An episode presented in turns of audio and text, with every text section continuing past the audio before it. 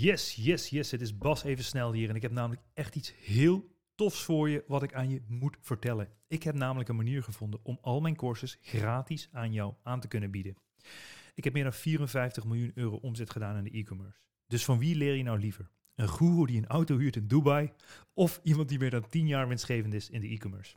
Als je liever niet van de guru leert en bewijs wilt zien van de 54 miljoen euro omzet, schrijf je dan gratis in voor al mijn trainingen op basdeeltuit.nl.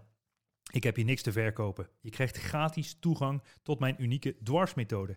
Al mijn e-commerce courses, gratis 1 op 1 coaching en een gratis ticket voor het e-commerce kickstart event waar ik jou alles van A tot Z ga uitleggen hoe jij een succesvolle e-commerce business kan gaan opzetten. Alles is letterlijk gratis. Er zitten hier geen addertjes onder het gras. Dit wordt namelijk mogelijk gemaakt door een subsidie die jij ook geheel gratis en kosteloos kan aanvragen. Je hoeft zelf niks voor te schieten en normaal kost dit pakket 2000 euro. Schrijf je snel in op basdeeltuit.nl om gratis toegang te krijgen tot dit hele spektakel. Ik zeg veel plezier met het luisteren van deze podcast en tot snel. Ciao, ciao.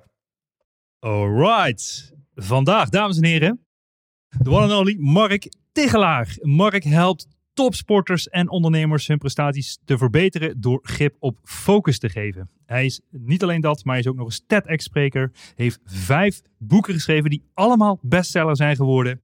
Ehm, en hij heeft inmiddels met zijn laatste boek Focus aan of uit meer dan 40.000 boeken al verkocht. Hij is ook nog eens spreker en eigenaar van de Focus Academy. Mark, welkom. Dankjewel. Ja, we zijn dus ook een soort van live. Dus mocht iemand dit horen of überhaupt zien, ehm, ja, door met vragen. Laat een comment achter. Ja, mooi door die jingle heen.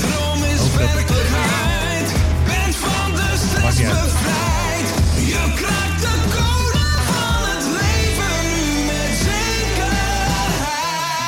Yes.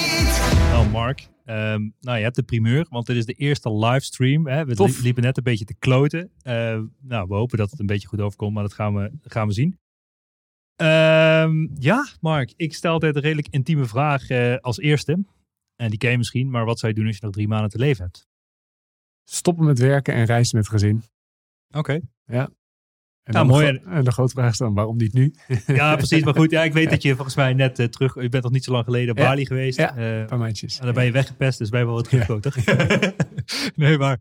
eh want want ja, dat is wel mooi. Je bent ook een beetje een ondernemer op slippers eigenlijk. Ja, in, in, in, hele kleine schaal van wat jij doet. Maar Ja. ja. ja, dat is wel echt de meest ultieme vorm van vrijheid en toffe vorm van leven, denk ik. Ja. En wat, wa- eh, waarom eh, ben je naar Bali gegaan en, en hoe lang heb je daar gezeten We uiteindelijk? hebben er twee maanden gewoond gewerkt. En dat was eigenlijk vanuit mijn vriendin. Zij is psycholoog. En haar bedrijf zei van... hey, we willen eigenlijk meer digitaal gaan werken. Wil je niet dat gaan oefenen op Bali? Daar kwam het eigenlijk op neer. Dus, Mhm. Oké. En vanuit mijn werk was ik ook wel redelijk flexibel. Dus ik denk, ja, laten we het maar doen. Mijn vriendin was toen zwanger van ons tweede kindje. Dex, die is inmiddels eh, geboren. Dus dat, echt een, eh, dat is echt hoogzwanger. De laatste paar weken, nou, ma na een maandje nog zo, was twee maandjes max. Was ze nog eh, zwanger. Dus dat was ook wel een bijzondere tijd om nog met, ja, met- we hebben een dochter, met z'n drieën gingen we daar naartoe, maar wel met een zwangere vriendin eh, daar. Maar ja, het was allemaal te gek. Was net voor corona. Ja, fantastische tijd gehad. Wauw. Ja, maar daar weet je alles van. Ja, waar heb je al van gezeten? Bali, ik wil even niet. Ja, eh, ook dat zijn- eh, eh, aan de westkust in ehm Canggu? Canggu inderdaad. Ja, dat, dat vonden we het mooiste. Daar zijn Ja. ongeveer een maand geweest. We hadden daar een huis. En nou, je kent alle beachclubs. Daar Ja, ben je we- ook het meest gezeten. Ja. Ja, echt Ja. een hele chille plek. Ja. Toen hebben we een week op eh Gili gezeten. Ja? Eigenlijk meer, dat was een beetje de vakantie. Gewoon lekker veel gedoken. Dat vind ik echt heerlijk om te doen. Mooie schildpadjes gezien. En zo. Schildpadje, echt, Ja. de, echt de huge Ja. schildpadden. Ja. En ehm, eh, toen naar het, ben ik even de plaatsnaam kwijt, in het zuidoosten. Dat is eigenlijk een beetje een soort badplaats voor ouderen. Dat was niet echt eh, een groot succes, vonden wij. En het laatste week ongeveer, half week in Ubud. Oh ja. Maar Ja. dat was ook een beetje de, de chill, was een, mooi resort, een beetje de afsluiting van de Ja. Periode in Bali. Ja, ja, ja. ja nou, je hebt daar ook midden in Ubud heb je ook in de jungle een eh, soort van beachclub. Die heet Jungle Fish. Dat Ah, is nice. ook- ook geweest of niet? Nee, nee, dat Oké. zeg maar niks. Nee. Voor de volgende keer. Voor de volgende Ja, keer. je Ja. moet altijd, ik, ik bedoel, dan heb je veel rei- gereisd en denk altijd, ja, dan moet je altijd nog iets voor de volgende keer overlaten. ja, nee, bij deze. bij deze. Leuk man. ja. Eh, ja, Mark, eh, waar gaan we beginnen? Hoe zag jij jeugd een beetje eruit? nou, ik werd geboren en eh, Oh, toch? ik had laatst iemand ging, ik, ik, toen gaf, ik training en er was iemand voor mij een spreker en die, dat was, was zo raar. Die ging dus letterlijk vertellen, nou, misschien is het leuk als ik mijn levensverhaal vertel. En die man is letterlijk, nou, ik werd geboren. Toen ging zijn hele levensjaar. ja. Die man werd 50. En ik, oh shit, dat wordt echt een hele lange presentatie. Ja. Nee, maar om dat te skippen. Nee, ik heb vroeger in mijn jeugd heel veel gitaar gespeeld. Ik heb eh, echt bijna tien uur per dag eh, speelde, ik, eh, speelde ik gitaar. En ik had één doel. Ik wil de beste gitarist van de wereld worden. Dat was mijn plan. En zo heb ik toen heb ik daar eigenlijk een heel groot deel van mijn jeugd besteed aan het spelen van gitaar, elektrisch. En toen dacht ik op een gegeven moment, toedeledokie, dit is toch niet echt wat voor mij. Toen ben ik mee gestopt. Oké, Dat top. is een notendop op mijn jeugd. Maar speel je nog steeds gitaar? En, ja, een beetje voor, voor de lol. Ja. En, maar een gegeven moment dacht ik, ja, ik kan hier ook wel les in gaan geven. Dus op mijn veertiende ben ik eh, les gaan geven en gitaarles aan beginners. Dat was echt een toptijd. Dat was echt eh superleuk. Cool. Eh, eigenlijk ja, mini, mini bedrijfje. Maar het is gewoon super lach om te doen. Gewoon postertjes ophangen bij de Albert Heijn nog in die tijd. Ja. Wie wilde gitaarles? En Vet. eh daar had ik iets van vijf, zes leerlingen of zo. Vet. Hoe oud was je toen? Veertien. Ah, 14. Nee joh. Ja, dat was mijn eerste business. Super vet man. Ja, lachen. Bakken met geld, relatief gezien. Hè. Ik bedoel, maar Ja. in die tijd denk ik, wow. Ja, ja, ja. ja, ja. Maar heel leuk, heel leuk eh, manier van eh, geld verdienen. Het is gewoon, ja, doen wat ik leuk vind, gitaar spelen. Ja. En het andere mensen leren. Ja, En wie was je idool een beetje in die tijd? ja Slash eh, van eh, Guns N' Roses, dat Ja. was echt mijn, mijn grote held. En dat was mijn doel en daar wilde ik naartoe eh, streven. Op een gegeven moment kwam ik erachter dat ik het meer voor die bekendheid deed dan echt voor het gitaarspelen. Dat ik dat belangrijk vond. Toen dacht ik, ja, dat is een beetje om de verkeerde reden. En toen ben ik gestopt met gitaarspelen. Ja, ja. Wist gewoon nu een beetje voor de lol, maar niet meer dat Ja. fanatieke. Want je hebt ook, weet je, Jan Akkerman geloof ik, Ja. is ook een van de beste gitaristen goeie, van Nederland. Of Ja, misschien wel wereldwijd. Is wel hoog ook, maar Nederland zeker. Ja. ja. Leuk man. Heb jij een eh, muziekachtergrond? Nou ja, ik heb trompet gespeeld vroeger. Oh. Ik zat in de harmonie en eh, ik liep eh, met carnaval in de optocht mee en al dat soort dingen. Ja. Nou, ik heb zelfs ook, ik bedoel, ja, ik heb zelfs ook wel solistenconcours gewonnen, zeg Oh, maar. Dus, dus ik had wel ergens talent, maar goed, op een gegeven moment verwaterde dat. En, Ja. en dan heb je weer andere focus. Ja, nee, zo is het maar net. Maar, eh, en, en, en waar ben je op een gegeven moment gaan studeren? Eh, eh, eerst HBO-psychologie, want ik, had, ik ben redelijk zwaar dyslectisch. Ik had echt heel veel moeite met leren en met studeren. Ik was ook letterlijk echt de traagste van de klas. Toen kwam ik erachter dat dat, dyslexie zelf kan je niet oplossen, maar het is wel heel erg trainbaar met om, de, om die uitdagingen van super traag lezen, super veel spellingsfouten. Dat kan je best wel trainen, zeg maar. Je kunt het niet oplossen. Ik ben nog steeds dyslectisch. Maar als je snapt hoe je eigen hoofd werkt, dan kan je er wel mee omgaan. En dat is eigenlijk mijn fascinatie toen begonnen. Oké, ik wilde heel graag Tony Robbins boeken lezen en al die persoonlijke ontwikkelingsboeken. Dat was echt een mijn, mijn hoogste, dat, dat wilde ik. Maar ik had er moeite met de Donald Duck. Dus dat, dat werd echt een mismatch. Dus vanuit die frustratie ben ik me gaan verdiepen. Hoe werkt het dan wel? Hoe blijf je gefocust? Hoe neem je informatie snel tot je? Hoe onthoud je die dingen? En zodoende eh, daar trainingen gevolgd. En nou, dat ging zo goed dat van HBO vrij snel naar de, naar de Unie kon. En dat ging vrij makkelijk, omdat normaal zaten 40 studieuren per week voor, voor neuropsychologie. Ik kon het nu doen in 8 uur per week. Wauw. Niet om op te scheppen, maar gewoon tof wat je kan als je als je, je hoofd snapt, zeg maar. En toen Jeetje. zeiden mijn medestudenten, ja, ik ben niet dyslectisch, maar dit wil ik ook. Ja, En zo zijn in de kroeg de eerste trainingen ontstaan over focus, snel lezen, geheugen en dat soort dingen. sick man. Ja, Maar ja, sowieso, ik, ik ben zelf ook dyslectisch. Eh, volgens mij is het ook een eigenschap van de meeste, de, de kans op miljonair zijn is Ja, groter, toch? ik ben om die reden dyslectisch ook geworden. Ja. Gewoon, ja. ja. Het is gewoon cool om te zeggen, dat ben je het niet. Dan ben je Maar- het niet. Ah, jammer. Maar eh, wat ik me afvraag, want ik ben nooit echt getest voor dyslexie, weet je. Maar ik merk gewoon aan mezelf, ik haal letters door elkaar, cijfers door elkaar. Ik heb moeite als ik al een telefoonnummer moet oplezen, zeg maar. Ja, Dat check. is ook, je hebt ook dyscalculie, is ook weer een andere vorm volgens mij. Maar, maar heb jij je echt getest uiteindelijk? En is er Ja. al de vinger opgelegd? Ja, ik heb en- echt een test gedaan. Ik heb, eh, die was super moeilijk, maar ik ben geslaagd. en ik ben officieel dyslecticus. Maar nee, ik heb een test gedaan. En dat, de- maar het rare is, het is best wel, was best wel een dingetje. Het was twee weken na mijn eindexamen van mijn HAVO toen. Eh, en het was best een dingetje. Dan doe je een test en dan krijg je uiteindelijk word je gebeld met uitslag. En dan je krijgt dan best een stempel op je hoofd. Oké, jij bent nu dyslectisch. Hmm. Eh, en dat verandert eigenlijk geen fuck. Ik, bedoel, ik ben nog, ja, ik heb die stempel nu, maar ik- ja, niet dat ik nu door die stempel, ik kreeg iets meer tijd om het tentamen. Ja, maar ik heb net mijn examen gedaan, dus dat, dat, boeide ook niet meer. Mhm.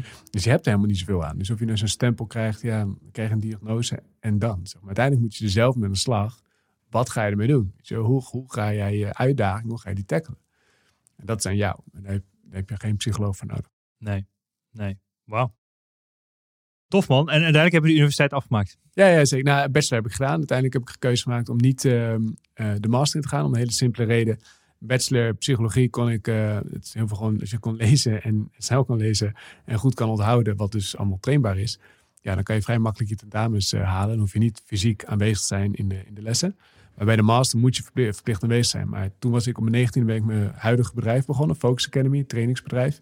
En dan gaf ik gewoon heel veel trainingen. En op een gegeven moment moest ik de keuze maken. Ja, trainingenbedrijf gaat eigenlijk hartstikke lekker. Eh, maar ik ben gewoon heel veel onderweg. In de tijd voor corona zat ik gewoon heel veel on the road. Ja, Eh, als ik nu weer, als ik mijn master wil gaan halen, op zich lijkt me dat wel gaaf. Maar dat betekent dat ik gewoon bijna moet stoppen met mijn bedrijf. En dat vind ik zonde. ja, maar dat is het ook niet waard. Want ja, bedoel, je cv of whatever, papiertjes is gewoon waardeloos als je ondernemer bent, toch? Vind ik wel. Uiteindelijk is het wel handig voor mijn werk. Maar ja, ik, ik, ik lees voor mijn lol nu gewoon heel veel wetenschappelijke onderzoek. En ik zit volledig in die data. Ja. Maar het papiertje boeit mij niet. Ja, ja nee, precies. Maar dat is een keuze geweest. Ja, ja wel tof.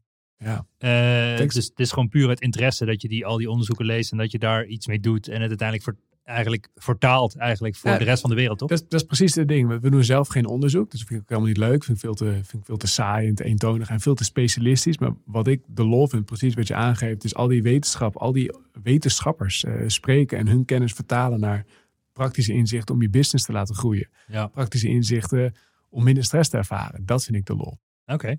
Ja. Ja, brandlos. En nou, wat wil je weten? Wat wil je weten? Praktische inzichten om minder stress te ervaren. Ik denk dat, dat iedereen die nu luistert, die Ja, denkt van, dit, wil Ja. ik. Eh, ik heb stress Ja. en ik wil minder stress. Check. maar goed, ja, het zijn misschien ook wel de standaard dingen die je elke Nee, keer nee, uitlegt. nee, nee, ik- nee, we gaan, lekker- we gaan kletsen. We gaan lekker kletsen. Nee, als onder, laten we vanuit ondernemers, nou, iedereen, maar zeker als ondernemer, en dat ken je misschien ook, ben je heel creatief en heb je heel veel nieuwe ideeën. Dat is nou de, het vooroordeel wat ik over jou heb en wat ik ook bij mezelf herken. En bij anderen, je hebt gewoon heel veel nieuwe ideeën, je plannen en aanpakken. Het nadeel is, dat gebeurt heel vaak logischwijs in je hoofd. Dat, daar begint het logischwijs mee. Het hoofd is alleen niet gemaakt om dingen te onthouden. In tegenstelling tot wat we wel vaak denken. Ons hoofd is gemaakt om nieuwe ideeën te bedenken. Maar zodra je ze gaat vasthouden, dan gaat het loopen. En misschien ken je dat ook. Oh, verschrikkelijk. Dan ga je opeens en denk je, oh ja, ik moet even Pieter nog een mailtje sturen. Niet vergeten. Ja. En even later gaat je hoofd nog, hé, hey, Pieter nog geen mailtje sturen. Pieter, moet jij nog even een mailtje sturen. Je hoofd kan supergoed dingen onthouden. Met het enige nadeel, het is extreem slecht in timing. En daardoor is het onthouden van informatie in je hoofd een super slechte plek om dat te doen. Dus een van de dingen wat David Allen, bedenker van eh, Getting Things Done, misschien ken je Ja, die, ja, eh, met- ja, tof. Eh, die zegt ook, your mind is for having ears, not holding them. Een van de dingen wat hij ook aangeeft, er is een heel groot verschil tussen druk zijn en druk voelen. Iemand met dezelfde, twee personen met hetzelfde takenpakket, eentje kan op een burn-out krijgen en de andere kan Ja. floreren. Wat is het verschil? Waar onthoud je die informatie in de tussentijd? In je hoofd of ergens anders? Mhm. Dus lange, lange introductie op je vraag, maar voor antwoord Ja. op de vraag geven. Ja. Wil je minder stress ervaren, struik over mijn woorden, haal direct dingen uit je hoofd. Dus het moment dat er iets binnenkomt, als jij zegt, hey Mark, ik wil nog even het onderzoek naar me toe sturen, dan komt er nu een taakje op mijn radar bij. Als ik daar verder niks mee doe, dan gaat mijn hoofd dus dat loopen van, oh ja, niet vergeten het onderzoek te sturen, niet vergeten het. Wat ik doe, op het moment dat iets binnenkomt, haal ik dat gelijk uit mijn hoofd, of pen en papier, Hm. of ik gebruik zelf een app, het heet BrainTos. Ja. Ken je die app toevallig? Ja, ik, je hebt het wel eens eerder heb uitgelegd. het ten- En ten- toen heb ik het ook, ik heb het helemaal, had het helemaal ingesteld toen. Dus het ging van voice naar e-mail, naar een taak in Trello en iemand anders pakt het op en allemaal dat. Ja, exact. Je kan, Ja. het, je kan het lekker Ja. uitbouwen tot een Ja, systeem. En dat laat leg het even uit voor de mensen Voor de mensen die het het niet kennen. Eh, eh, BrainTos is, ehm, is eigenlijk gewoon simpel een to-do. Of nee, is eigenlijk, technisch is het een capture tool. Wat concreet inhoudt. Het moment dat iets binnenkomt, Mhm. Dan krijg je, kan je het inspreken van, eh, van hey, eh, wil je even het onderzoek sturen? En als, als voice ding spreekt dat in. Als uitgeschreven taak komt het in mijn inbox. En je kan Ja. het doorsturen naar bijvoorbeeld je Trello. Ja. Je takensysteem. Met als effect dat het gelijk uit je hoofd is, uit je systeem is. En dat vind ik, ehm, en dat vind ik er zo tof aan. Het voordeel daarvan is dat ik, ik bedoel, we hebben allemaal veel te doen, maar mijn hoofd is continu leeg als het ware. Oké. En daardoor kan ik niet, het kans dat ik afdwaal tijdens een gesprek is natuurlijk wel eh, logisch aanwezig, maar is kleiner dan wanneer mijn hoofd helemaal vol zit van, oh shit, ik moet dat doen, moet dat doen, moet dat doen. Ja. Hoe meer je je hoofd leegt, hoe meer ruimte er in je hoofd eh, ontstaat en ook hoe wendbaarder je bent en hoe minder stress je ervaart. Wauw. Eh, Oké, dus dat is mooi. Dus eigenlijk je knalt alles direct je hoofd uit wat in je hoofd opkomt. Je schrijft het op of je Ja. braintost het in je, in je app. Exact, Eh, exact. en ik ben heel erg benieuwd hoe jouw achterkant dan eruit ziet. Want dan heb je die gebraintost. En dan heeft iemand anders of in jouw e-mail zit een audiofaaltje. Ja, nee, dat, is- dat is gelijk converted to text. Dus Ja, dat, is, eh, dus dat Ja. is gelijk tekst, eh, texting. Eh, ik zet het zelf in mijn Trello. Dat vind ik zelf, dat is mijn systeem. Dus Oh, ja. het komt binnen of ik doe het gelijk. Dus ik, ik leeg drie keer per dag mijn inbox. Dus, het komt, dus ik gebruik adios.ai. Het is een heel mooie applicatie, simpel. Dat je op gezette tijden komt mijn mail maar binnen op mijn inbox. Dus je kan met ten alle tijden mailen. Maar ik wil niet de hele dag mailtjes binnenkrijgen. Oh, is dat een je- Gmail app? Of, is een Gmail. tof. ja, super tof. Gratis applicatie. Is geniaal. Mooi. Eh, eh, want als je continu je mail gaat bekijken op het moment dat het binnenkomt, ben je heel erg versnipperd en heel erg gefragmenteerd bezig. En dat is niet fijn. Kunnen we het zo nog over hebben. Dat is een heel belangrijk focusprincipetje. Mhm. Eh, dus op gezette tijden komt mijn mail binnen. Dus op gezette tijden komen die, onder andere die brain toss to-do's eigenlijk binnen. Ja.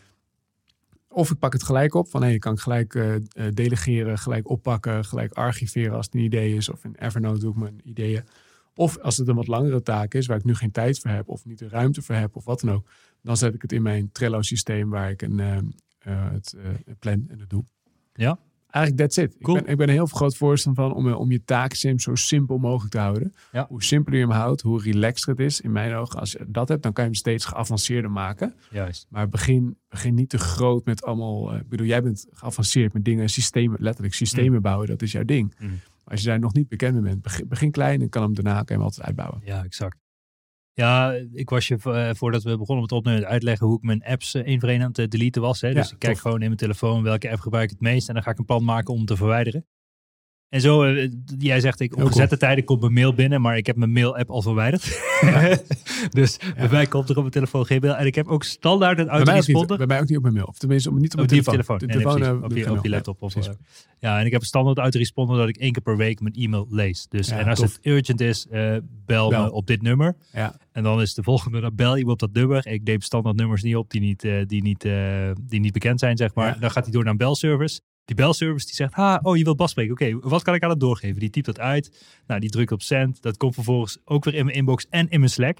Ja. En dus ik zie gewoon wie er heeft gebeld en wat hij wil. Ach. En ik bepaal daarna zelf of ik terugbel. En meestal is dat niet zo. Maar Maar dat, is ook, dat vind ik wel, jij denkt heel systematisch, jij denkt ja, systematisch over, je bouwt echt systemen. Ja. En dat vind ik een hele coole aanpak. Dat doe je, niet, dat doe je met je, zeg maar, je leven, maar ook met je business. En dat vind ik echt eh, super tof. Ja. Wat mijn ervaring is dat ook, eh, die aanpak die jij nu hanteert van één keer per week je mail bekijken. Nou, dat werkt in jouw situatie supergoed. Ook omdat jij je business zo hebt ingericht. Dat werkt niet voor iedereen. Als ik bijvoorbeeld kijk naar mijn business, in mijn business zou dat niet werken. Nee. En dat hoeft ook niet, zeg maar. Dat is niet goed of fout of te veel of te weinig. Dat is echt puur persoonlijk wat past bij jou. Maar Ja. het hele idee erachter dat je, weet je, als een soort helikopterview kijkt naar je werk of naar je leven. Wat voor leven wil ik en hoe wil ik mijn werk ook inrichten? Ja. Die gedachtegang vind ik echt super vet. ja, Dus je daar kijkt van ja, maar ik wil niet. Vroeger bekeek ik ook elk moment dat mijn mail binnenkwam, bekeek ik mijn mail. Ja. Ja. Ben jij zo'n aapje die op een nootje. En als Ja. je dan geen nieuwe mail kreeg, ging ik toch nog even op refresh drukken. In de hoop dat er dan wel een nieuw mailtje Oh, kwam. Maar hetzelfde met omzet, weet je. Als je een online business dan ben je gewoon de hele dag je omzet aan het refreshen, weet je. Dat Ja. soort onzin, weet je, die Ja. gewoon pure vervuiling is van je, van je hoofd. Ja, fake Maar- work. Ja. Ja, maar ik had een beetje een documentaire gekeken een tijd geleden van Richard Branson, weet je. En dan heb ik zo'n zo'n beeld voor me dat zeg maar zijn P- dat hij in het zwembad de bandje aan het trekken is. en zijn PA loopt naast hem. Oh ja, Richard, je hebt een mail van deze ontvangen. Wat wil je dat ik hierop antwoord? Hey, weet je, snap je? En zo doet hij zijn mail. Het is gewoon Ah, soms ja, is hij gewoon even, Ah, even drie kwartier aan het zwemmen. Geniaal. En in de tussentijd heeft hij zijn mail weggewerkt, omdat zijn PA dat weg. Ja, dat vond ik ook wel weer next level. En dat leek me Oh, ook wel gek. echt Dat briljant, ook wel. zeg maar. Maar goed, eh, ja. Wat ik Misschien is alleen voor de rijkste eraan. Nou ja, wat, ik wel, wat, wat, wat ik wel een thema vind, in het, onze neiging om continu, te, onze verslaving om te werken, zorgt ervoor dat je je business klein houdt. Mm.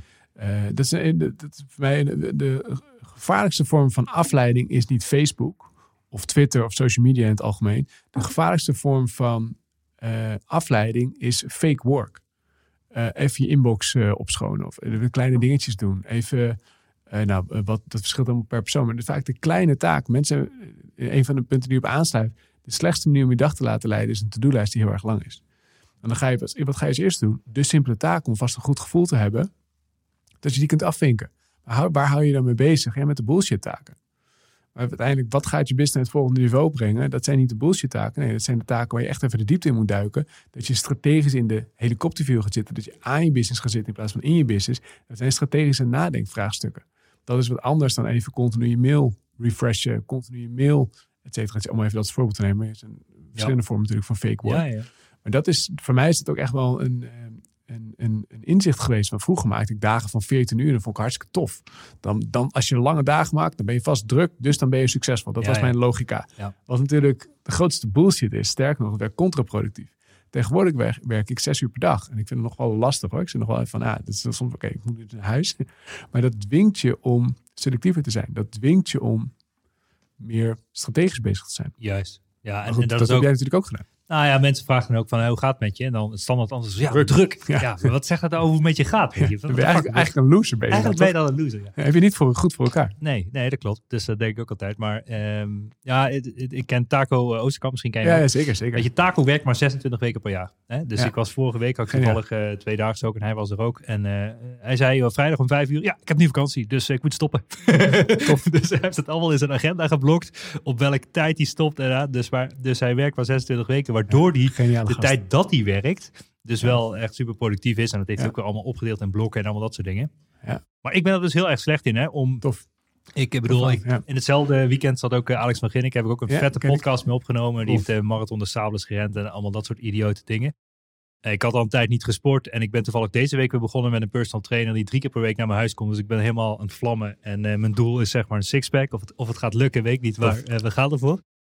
Eh, maar ik ging met Alex hardlopen. Daar, dat, daar, daar mijn vakantie, ben een maand op vakantie geweest. En ik, dus ik was echt redelijk. eh, En, en, en Alex zei, ja, we gaan een klein rondje rennen. Weet je, uiteindelijk hebben we dus 7,5 kilometer hard gelopen. Wauw. Eh, maar wat ik daarmee wil zeggen, ik run eigenlijk mijn business een beetje hetzelfde als hoe ik aan het hardlopen ben. Want ik kijk dus letterlijk twee meter vooruit en ik blijf gewoon rennen. Snap je? en hetzelfde doe ik eigenlijk een beetje in mijn business. Want ja, ik blijf gewoon bezig, zeg maar. Ik, ik bedenk in mijn hoofd wat een logische stap is. Alleen ik ben dus heel slecht in het planmatig en het pragmatisch aanpakken van eh, eigenlijk gewoon je business. Hè? Dus misschien heb je daar nog gewoon idea- ideale tips voor hoe ik nou, dat... ik weet eh, eigenlijk niet of, of je dat wel überhaupt moet willen. Ik weet niet of je het boek Anti-Fragile kent. Het is, eh, eh, dat is heel erg van... Ik was vroeger ook van, ik heb een doel en ik, ik plaats... eh, eigenlijk precies tegenover. Ik heb een doel en ik plaats er een glazen stulp overheen. En het doel mag, geen, het mag niet millimeter afwijken van mijn doel, want dat is Mm. mijn doel. Maar ja, de wereld verandert eh, Ja. eh, de hele dag. door. Ja. Dus als je, en dat is juist anti-fragile, is eh, tegenovergestelde van, van fragile is niet stevig, maar het is wendbaar. Dan ben je pas echt krachtig. Hm. En anti-fragile, dat is eigenlijk wat jij doet. Van je hebt een, natuurlijk wel een richting, maar je bent heel flexibel in je aanpak. En dat is juist iets wat mega, in mijn ogen, een mega sterke bedrijfsstrategie is. Wij hebben dat nu als, als, als organisatie hebben dat geomarmd. We hebben elke week, heb, elke maandag heb ik met mijn compagnon, ja, we de week eh, met z'n tweeën gaan we een koffietje doen en eh, wandelen. En dan gaan we kijken, waar, hoe staan we ervoor? En waar gaan we ons deze week een week lang op richten? En dat kan hetzelfde project zijn als, als de week daarvoor, als het nog niet af is. Maar misschien is de wereld veranderd en nee, deze week moeten we ons hierop richten. Dat betekent niet dat we als een, als een extra eh, alles wat blinkt en glimt, dat, we, dat doe jij ook niet. Je, gaat niet je, hebt een, je hebt een richting, maar het betekent wel dat je wendbaar bent. In plaats van, nee, we hadden zes weken geleden hadden we dit doel bedacht en dat, moet, dat, dat werkt niet meer. Nee, nee, dat klopt. Ik hoor je wel. De wereld is een stuk complexer geworden. Nee, zeker die, die, die wendbaarheid en die agile, of de- hoe je het ook wil noemen, hoe je, dat je gewoon continu kan veranderen eigenlijk. Ja. Hè? Dus eh, eh, dat is ook de reden waarom ik een virtual team heb, zeg maar. Is het gewoon dat het allemaal schaalbaar omhoog en omlaag is. Ja. En als business wil je maximaal flexibel blijven. Je ziet dat maar nu in coronatijd. Hè? Dus als je Ja. business niet maximaal flexibel is, je vaste kosten lopen door. En je bent een eh, theater of een evenementenbureau of een reisbranche of zo. Ja, je gaat gewoon voor het bijltje, zeg maar. Eh, het zijn natuurlijk uitzonderlijke tijden, maar ja, de- daar zit wel een groot deel van de kracht, denk ik, dat je gewoon maximaal agile blijft. Ja, en überhaupt denk ik dat. Ik denk los van met corona zeker, maar überhaupt is denk ik een hele gezonde bedrijfsstrategie. Je wilt wendbaar zijn. Anders, als je een, echt een corporate bent, dan ben je de olietanker. Maar jij bent, wij allemaal, we zijn, de, Ja. we, zijn de, we zijn wendbaar. Maar dan moet je daar wel op ingericht zijn. En als je denkt, ja, maar ik ben een kleine organisatie, maar je hebt alsnog heel vastomlijnde stramine en doelstellingen. Ja, De vraag is of je daarmee gaat redden. ja, Dat werkt heel goed voor grote corporates. ja. Maar Ja. dat zijn we niet. Nee, nee, gelukkig niet. Nee. Ja, wij zijn ook een beetje de rebel in de markt natuurlijk, weet je. Wij zijn Ja. die jonge vogels die het allemaal even net op een andere manier aanpakken dan iedereen gewend is. En Ja. dat is toch een beetje het coole, toch? Bedoel, jij dat- wilt er ook de rebel zijn? Ja, maar dat, maar dat dan moet, eens. Maar dan moet je, en dat was ik dus eh, eigenlijk niet, doordat ik heel erg zo'n rigide aanpak had van. En dacht ik, ja, maar dat is dus eigenlijk, dat klopt dus helemaal niet. Dus je, je bent rigide als je een grote corporate bent, maar dat wil ik niet zijn, ben ik ook niet.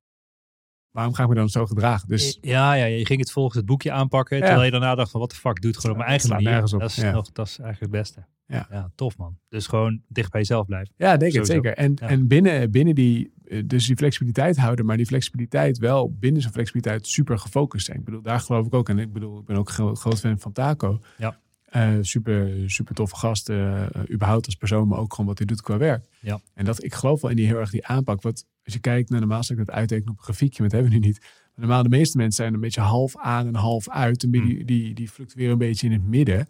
Ja, dan, dan ben je net niet, ben je net niet vol gas, maar ook net niet uit. Ben je constant een beetje half aan. Ja. In mijn ogen is dat de gevaarlijkste eh, toestand om in te blijven. Want het betekent dat er een stof in je hoofd aan blijft gaan. Het cortisol, Ja. dat houdt je waakzaam. Dus ook s'avonds ben je nog met werk bezig. Mm. Of binnen de komende Ja, mailtjes. Dan, Zelfs in bed. Dan kan je niet eens in slaap vallen. Of heb je moeite met in slaap vallen. Wat beter werkt, is juist hoge pieken en diepe dalen. En hoge pieken bedoel ik echt focus aan. Dus echt vol gas. Als je werkt, vol gas.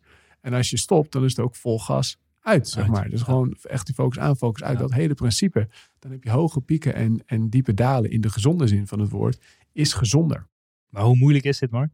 Dit is, is een skill. Dus het is, Ah, ja, het is- ja, ik vind het heel erg trainbaar. En eh, dat- is focus. En dat vind ik het toffe aan het onderwerp focus. Focus gaat over, over die twee componenten. Hoe geef je gas op momenten dat je het wilt? En hoe stop je hoofd op momenten dat je dat ook wilt? Want sommige mensen kunnen wel gas geven, maar kunnen niet stoppen. Ja, oké. dus, dus eigenlijk is de vraag, hoe stop je? Dat, dat is één van de vragen. En een van, een van de dingen is bijvoorbeeld, waar we het net over hadden, leeg je hoofd de hele dag door. Juist. Dus je hoofd is, is, is, is een reminder systeem met een vreselijk gevoel voor timing. Je kan in de supermarkt rijden, kan je denken dat je nog een paar mailtjes moet versturen. Als je in bed ligt, denk je, shit, ik kan nog even batterijen moeten halen. Ja. Dat is, het is niet gemaakt voor timing. En dat, is, dat kan echt zoveel energie vreten. Ja. Maar het betekent ook dat als je je hoofd continu aan het doorlopen is... en je bent in gesprek met je partner of misschien met je kinderen... dat je stiekem nog aan je to-do-lijst zit te denken. Ja. En de ander voelt dat altijd. En jij kan het ook voelen. Je kan gewoon schuldig voelen. Ik had dat vroeger. Ja. Nou, dat is echt niet oké. Nee. En dat, dat kan echt relaties ook schaden. En als je, als je daar grip op hebt, dan kan je daar, heb je daar controle op. En dan wordt het makkelijk om dat te stoppen als je dat wil. Cool, cool. Ja, ik betrapte mezelf wel. Ook Voorbeeld, ik zat in de auto en toen kwam in één keer iets binnen en ik denk, shit, ik moet dit nog bestellen. Weet je, toen ben ik letterlijk gestopt bij een tankstation. Ik heb mijn iPad gepakt, ik besteld, toen we doorgereden. Ik dacht Top. vuur, Top. ik moet, dit moet nu uit mijn hoofd en ik Ja. wil dat het gebeurd is. Ja, maar dat zeg maar, als je dat niet had gedaan, was dat rijden waarschijnlijk gevaarlijker geweest. Ondanks dat je dan niet op je telefoon of iPad had gezeten, was je in je hoofd niet volledig aanwezig geweest. En daardoor kan je letterlijk minder goed dingen zien. Ja, En goed. In extreem geval kan het zelf, ik kan echt je waarneming beïnvloeden. Ik heb iemand gecoacht die continu tegen bureaus aanliep.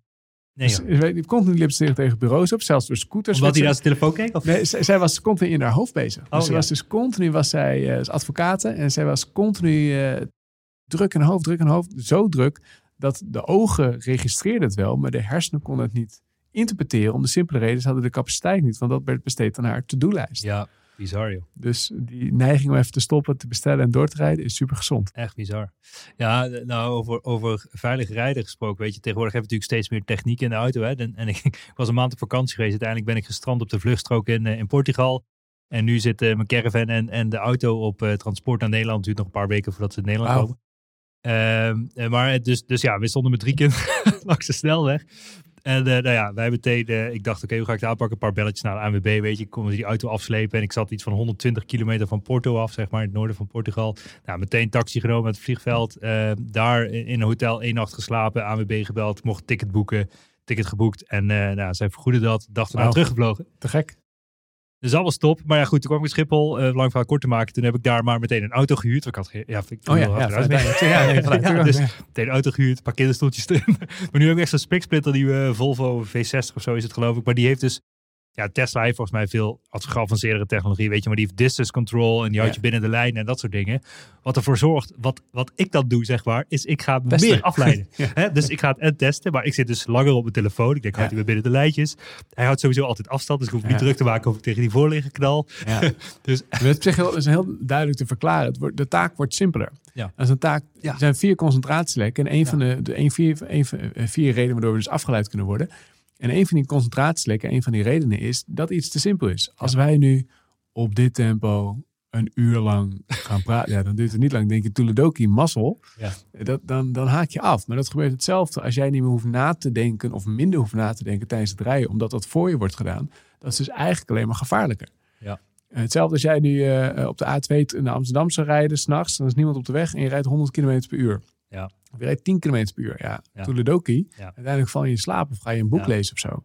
Ja. En dat is, dat is link. 120, 130 rijden waar dat kan en waar dat mag, dat zorgt juist voor meer focus. Ja. 150 rijden slaat natuurlijk ook een beetje door, maar het gaat juist om dat optimum. En wat je nu aangeeft, de taak is te simpel, dus ga je afgeleid worden. Dus uiteindelijk is dat gevaarlijker dan zonder die technologie. ja. Zou je kunnen beargumenteren. Ja, ja, ja.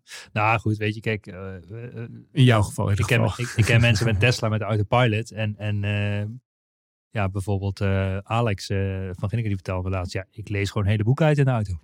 die, zit- die, Ja. die zit gewoon echt letterlijk geconcentreerd een boek te lezen. Terwijl je aan het rijden bent. Ik denk van ja, dit is de toekomst natuurlijk. Ja, ja, maar- dat is de toekomst. Dat is heel vet. Maar dan is het, Ja. dan is, eh, kijk, of all out of niet, zeg maar. Maar Ja. de tussenweg, die is Ja, gevaarlijk. precies, precies. Daar ben ik, eh, Ja. dat, is een, dat is een dingetje. Ja, ja, ja, ja, ja, cool man. Ehm, ja, hey, ehm, je bent natuurlijk ook inmiddels eh, vader van twee kinderen. Ja. Ehm, hoe is dat? Ja, jij hebt er drie, hè? dus eh, ja, het is eh, eh, twee derde van, van je. Nee.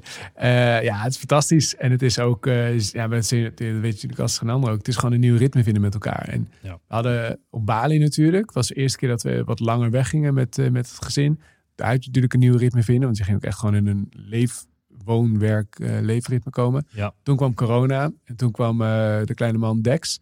Dus we drie keer moesten even een nieuw ritme vinden. Maar nu zitten we wel echt in een lekkere flow. Mijn vriendin is ook lekker aan het werk. En eh, ja, het is fantastisch. Eh, en ook natuurlijk even schaken. Ik bedoel, het is niet alleen maar halleluja. Ik bedoel, eh, dat weet je ook. Nee, zeker. En ons, we hebben ook, een van de twee is ook redelijk, kan redelijk druk zijn. Een fantastisch kind, maar ook echt redelijk aanwezig. En dat is ook wel even zoeken van Ja. hoe dat dan weer gaat. Ja, dan kun je niet op een papiertje schrijven en dan eh, later weer oppakken. Nee, nee, nee. Nee, schat. Nee, papa komt zo. Nee, nee, nee. En dat is... ehm, dus ja, ook zeker met, met de pappadagen. eh, eh, ging elke beginnende papa had even nog de illusie om tijdens de pappadag wat te kunnen werken. Ja, toeledoki, dat is, geeft alleen maar frustratie en stress bij jezelf en Ja. bij je kinderen. Dus daar moet je ook een bepaalde acceptatie in vinden. Wat voor mij ook weer goed is van oké, dat als ik dan een pappadag heb, betekent dus dat ik niet werk. Dus overal werk ik dan minder. Dus wil ik productiever zijn in de dagen dat ik wel werk. En dat is gezond. Dat is niet, dat is niet heftiger of harder werken. Nee, dat is meer gefocust werken. En focus is een ander woord voor flow. Je wilt gewoon meer in die flow werken. Als ik aan het werk ben, ben ik vol gas aan het werk. Maar als ik thuis ben, wil ik ook vol gas thuis zijn. Ja, mooi. Dus eigenlijk een stuk efficiënter werk. Ja, en, eh, en daardoor, dat is ook weer beter voor de business. Want je gaat ook selectief worden in wat, welke projecten je wel en niet gaat doen. Ja. Dus, eh, Ja. Maar dat, hoe heb jij dat dan ervaren? Nou, ik wil je eigenlijk nog een vraag stellen, want eh, eh, weet je, ik heb, ik, ja, hoe ik het ervaren heb, daar wil ik het eigenlijk een beetje met jou over sparren, weet je. Ik bedoel, kijk, eh, hoe lang was je op Bali geweest? Twee maanden. Twee maanden. Oké, dat- hoeveel, hoeveel jaar waren jullie weg? ja, twee jaar. Oh, twee jaar? Nee, ja. check. Baas boven baas. Nee, Bas boven baas. zeg ik altijd. Nee, maar, eh, nou, wat ik bedoel, ik bedoel te zeggen weer. Kijk, ik bedoel, wij zijn nu ook net een maand lang hebben met de caravan rondgetrokken. De kinderen en echt gewoon ja, als digital nomads. Of als nomads eigenlijk Ja. door een beetje door Europa geknald. Ehm, eh, maar wat ik ermee zei, je bent dan drie maanden Bali geweest. Dus ook, of twee maanden Bali geweest. is natuurlijk heel erg opstarten. Ja. En het klinkt natuurlijk als een soort van droom, zeg maar. Maar ik wil ook, zeg maar, meer eh, de, de... Ja, het is niet alleen roze geur en maneschijn als je met twee kids daarheen gaat, zeg maar. Nee, want, je- want eigenlijk, wat ik ervaren heb, zeg maar... Natuurlijk, je bent in een andere omgeving. Ja. Je hebt letterlijk vakantie. Je bent even niet aan het werk. Of minder als het goed is. Of niet, hopelijk. Eh, maar het is eigenlijk gewoon fucking hard werken met die kinderen. Ja, zeker. En wij waren toen, eh, toen nog met, eh, met, alleen met onze dochter. Mijn vriendin die zwanger is en wel een kind die, die zeker aandacht vraagt. Dan zit je wel van, ah ja, dit is, dit is, niet, alleen maar, precies, dit is niet alleen maar halleluja, happy de peppy. Ik bedoel, het is af en toe gewoon niet leuk. En dat, eh, ja, zij moest ook gewoon logischwijs wennen aan de nieuwe omgeving en dat soort dingen. Dus ja, dat, dat is er zeker. En dat is, ja, dat maakt niet uit waar je bent. Dat, dat, bedoel, kinderen zijn fantastisch en, en heel veel werk. Ja. En eh, ze zeggen ook, ja, neem geen, je kinderen zijn je hobby's en alle andere hobby's kan je gewoon even toeledoki eh Ja. uit het raam gooien. Ja. En dat is het ook inderdaad. En we hadden wel eh, opvang voor haar op twee dagen op, eh, per week, volgens mij een week meer of zoiets. In Bali zelf. In Bali. Top. En dat was heel top, echt super fijn. En Django heb je zo'n crash staat waar. Ja, dat zag ik ook. Ja. Nee, ja, we hebben, die hebben, ja, we hadden wel een speelparadijs Ja. ding, maar dat, is- misschien is dat hetzelfde, weet ik niet zeker. Bij zo'n Warung was dat nee, bij... Nee, dit was echt een, dit Aparte, was, was ja. echt een crash. Dan kon je een strippenkaart kopen en kon je gewoon een Ja, paar uurtjes Eh, brengen. ik heb daarover gehoord, ja. Ik. Ben, we hebben die niet gezien, maar voor de volgende keer gaan we dat zeker doen. Maar, eh, maar we hadden, we hadden een, eh, een nanny voor, voor, voor twee dagen of zo, ik weet niet meer precies. En dat was top ook voor haar. Dan heeft ze gewoon echt ook dedicated aandacht. Dus ook wel heel fijn natuurlijk. En, eh, maar goed, dan nog, het is wel, het is zeker niet alleen maar eh halleluja. En ook met het team, want ik was wel gewoon aan het werk. Ik werkte zes uur per dag. Eh, volgens mij werkte ik, ik weet niet meer, volgens mij van 12 tot 6 of zo. Was dat een beetje het ritme? Oh ja. S ochtends gewoon een beetje chill. De verkeerde tijdzone eigenlijk. Ja, eigenlijk als je dan net een beetje... Ja, ik wil dat een beetje zoveel mogelijk wegblijven uit de Nederlandse tijdzone. Ja. Ehm, maar prima. En dat, maar dat ging aan de ene kant... Ik vond het heel chill, maar het team vond het niet helemaal altijd even chill. Dus dat is ook alweer... Want ik wil het op zich wel gewoon vaker doen. Dit is gewoon... eh, ja, ik vind het gewoon heel luxe dat het kan. En de kinderen gaan nog niet naar school. Dus eh, Ja, Ja, zeker. Ja, pak Dat- wat je dat- pakken dan kan moet je zeker doen. Ja. Ja, het was eigenlijk het plan om in januari weer te gaan, maar door, door COVID gaan we dat nu even niet doen. Je kan volgens mij niet naar Bali vliegen nu. Dus, nee, eh, ook dat, ook, ja, ook dat, wel, Ja. ook dat. En er zat, zat er nog denk ik aan andere landen, of Zuid-Afrika zat er op een Ja. hoog lijstje. Maar Ja. ook daar, ja, het is gewoon toch ook in ieder geval nu op te plannen. Dat gaan we gewoon niet doen. Eh, maar goed, dat is ook nog wel weer een ritme vinden van hoe regel je je business zo dat je weg kan. En hoe regel je dat ook binnen, het, ook, ook binnen je gezin, ook een soort mini-onderneming natuurlijk als gezin. Van hoe regel je het binnen het gezin? Dat je af en toe even eh, de diepte in kan duiken. Of er nu een goed boek is, of er nu een nieuw idee bedenken is. Of, ik merk dat die, die alleentijd vind ik ook echt top. Die heb ik Ja. echt wel nodig. En ik weet niet of jij dat hebt, maar Zeker, ja, absoluut. Ja, anders ga ik eh, kapot. ja. en en die, daarom, dus in die maand eh, waar ik dan weg was, is die alleentijd eigenlijk bijna eh, tot, tot Nul. nul, ik, gekomen. ja. Weet je? En normaal ben je gewend. eh, Nu eigenlijk is dit alleentijd. Ik zeg altijd, werk is uitrusten. Ja, nee, maar dat snap ik, ja. Maar dat vind ik wel grappig. Dat, dat, dat, dat hoorde ik je al een beetje zeggen inderdaad. Maar jij werkt aan de andere kant in de positieve zin van het woord zo min mogelijk. Of zo even zo. Je regelt het zo dat je zo min mogelijk Ja, hoeft te werken. Snap ik is een, alles is een keuze. maar, hoe, maar hoe zie je dat dan? Want alleen tijd is werken. Maar je wilt wel zo min mogelijk werken. Maar hoe... uh, hoe- Ja, nou, ik heb altijd een, ik laat ik zo zeggen, in mijn, in mijn hoofd heb ik altijd een balans. Hè? Dus dan heb je, eh, je hebt overal tijd voor nodig. Dus je hebt tijd nodig eh, met je kinderen. Ja. Ehm, je hebt, de, ik heb er drie, dus je hebt eigenlijk tijd Ja. nodig met z'n alle drie, maar ook individueel. Ja, dat zijn eigenlijk al wel twee. Maar goed, je hebt tijd nodig eh, met je vrouw of, je, of je vriendin, weet je. Dus daar heb je ook één op één tijd voor nodig. Als je te lang die één op één tijd niet hebt, dan gaat het emmertje overlopen. En dan eh, sta je tegen elkaar te schreeuwen in de douche. Ehm, eh, nou ja, en dan heb je ook natuurlijk tijd nodig als gezin, dus met z'n Ja. allen bij elkaar. En die, die, die eh, eh, alleen tijd. ja, dus eh, lonely time. Dus ja, wat ik ook heel vaak doe, of vaak, weet je, ik bedoel, ik, ik hou van sauna, spa's, dat soort dingen, weet je. Ik, ik, heb, eh, ik ga heel vaak naar Spaanse Reen. Ik heb daar ook in de Ja. buurt gewoond, dan Maas Kijk, ja. Plans in Utrecht. En ik kan daar gewoon, eh, ik kan daar, als het open gaat, kan ik daar naar binnen komen. Als het sluit, ga ik naar buiten. En ik kan daar gewoon de hele dag met eentje rondlopen. Eh, lekkere gezonde dingen eten. Saunaatjes pakken, opgietingen, eh, Ja. Massages, gezichtsbehandelingen, weet je. Dat soort dingen.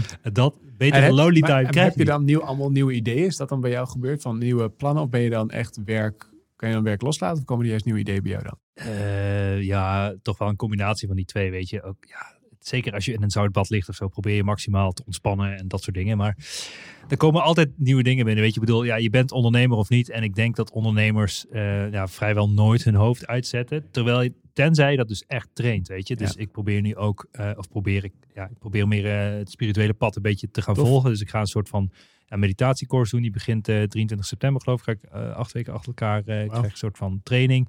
En sterker nog, ik had me opgegeven voor Vipassana. Dat is Ja, ken ik, ja. tien dagen mediteren. En dat zou ik in Rusland gaan doen. Ja, wauw. goed, door COVID is dat ook niet doorgegaan. Ja. Maar daar baal ik eigenlijk heel erg van. Want ergens weet ik dat zoiets echt mijn soort van ja, leven gaat veranderen. stilte? Is toch een Ja, stilte. Ja, Ja, precies. het is gewoon, het is Ja. gewoon 8, 9, 10 Mond per houden en dag zitten.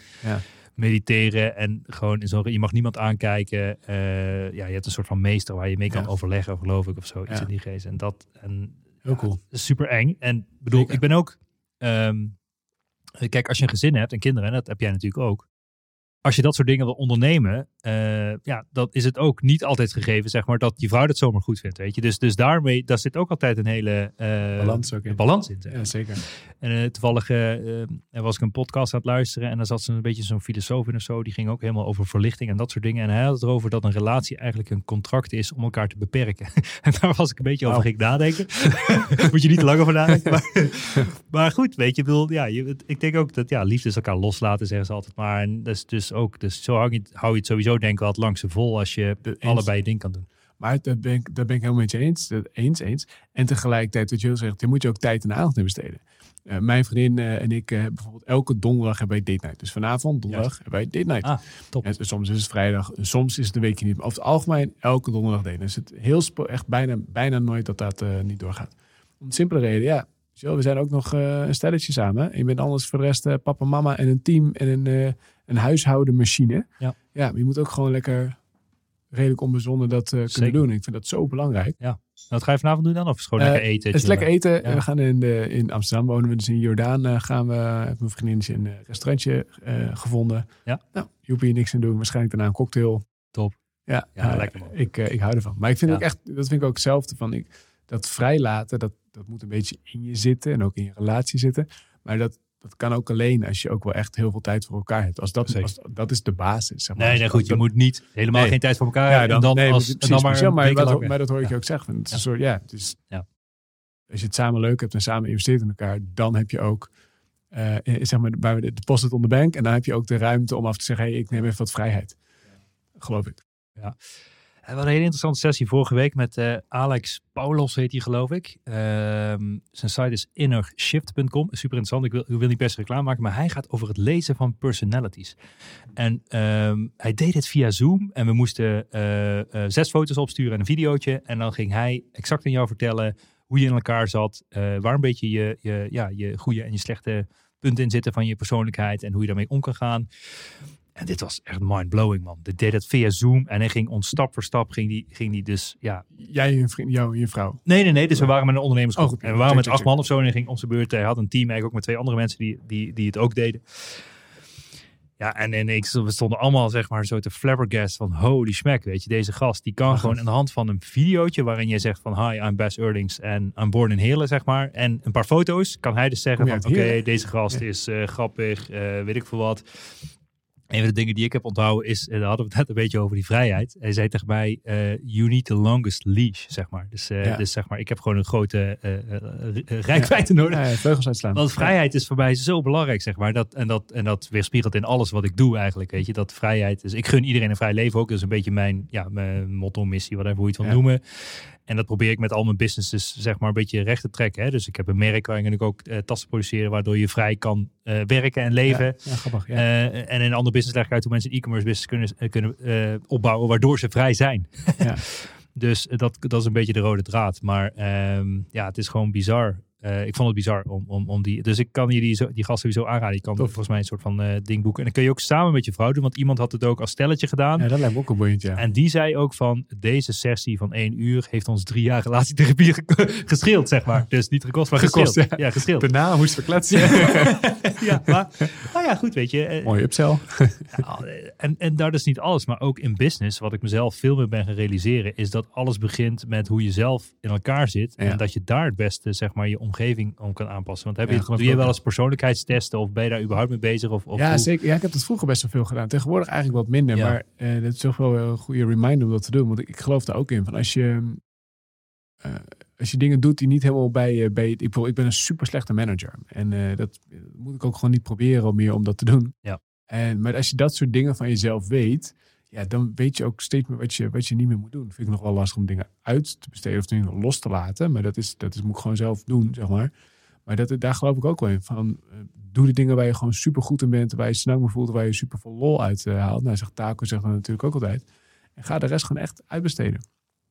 En als je dat doet, dan ben je veel meer... eh, ik vind het super mooi om mensen te zien die echt helemaal floreren in wat ze doen. Dus ik, je bent echt bijvoorbeeld een gitarist. Ik, je bent echt super goed in wat je op dit moment doet. Je bent echt helemaal, dit is jouw ding.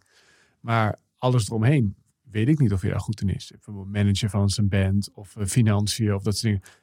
Misschien wel, misschien niet. Maar hopelijk besteedt hij dat dan uit. Zodat hij zich volledig kan richten op dat ene ding. Ja. En daar geloof ik ook wel echt heel erg in. Ook voor mij en voor ons en bij jou als ondernemer. Doe gewoon waar je echt super goed in bent. Waar je gewoon echt by far de beste bent. En de rest stapje voor stapje uitbesteden. ja, zeker. Maar dat doe jij ook. Nou ja, nee, maar dit is wel hoe het moet. Maar het, het is ook nog, het is een grote valkuil, weet je. Ik hoor ook, ik hoor bijna elke ondernemer die ik interview is een slechte manager, zeg maar. Ik zeg altijd, Ja. de beste ondernemers zijn de slechtste managers, weet je. Ja. En, en dan kunnen we elkaar high five geven maar ja, Ben je een goede manager? Oeh, jammer. ja, precies. Maar ja, daar gaat het ook heel vaak fout. Omdat je Ja. denkt dat je alles kan en je bedrijf wordt groter en heb je meer mensen. En, En op een gegeven moment dacht ik, ja, ik ben echt super slecht. Ik ben echt een super slechte ondernemer, want ik ben een slechte manager. En op een gegeven moment hoor je dat van meerdere mensen om je heen. Van, nou ja, ik ben ook een slechte manager. Ik, oh, oh, dat is eigenlijk best wel chill om te horen. Dat dat dus eigenlijk alleen maar een Ja. brede is. Ja. En dat is op zich ook wel logisch. Het zijn gewoon twee andere persoonlijkheden. Ja. Dus dat, Ja. ja. ja. Nou, mijn grootste fout is, is, is geweest dat ik te lang zeg maar, eh, eh, ja, met stagiaires heb gewerkt en die daarna een dienst heb genomen en vervolgens werk heb laten doen. Zeg maar. Dus die, met andere woorden, die mensen worden eigenlijk nooit veel slimmer dan dat jij ze opleidt, zeg maar, of vertelt, snap je? Ja.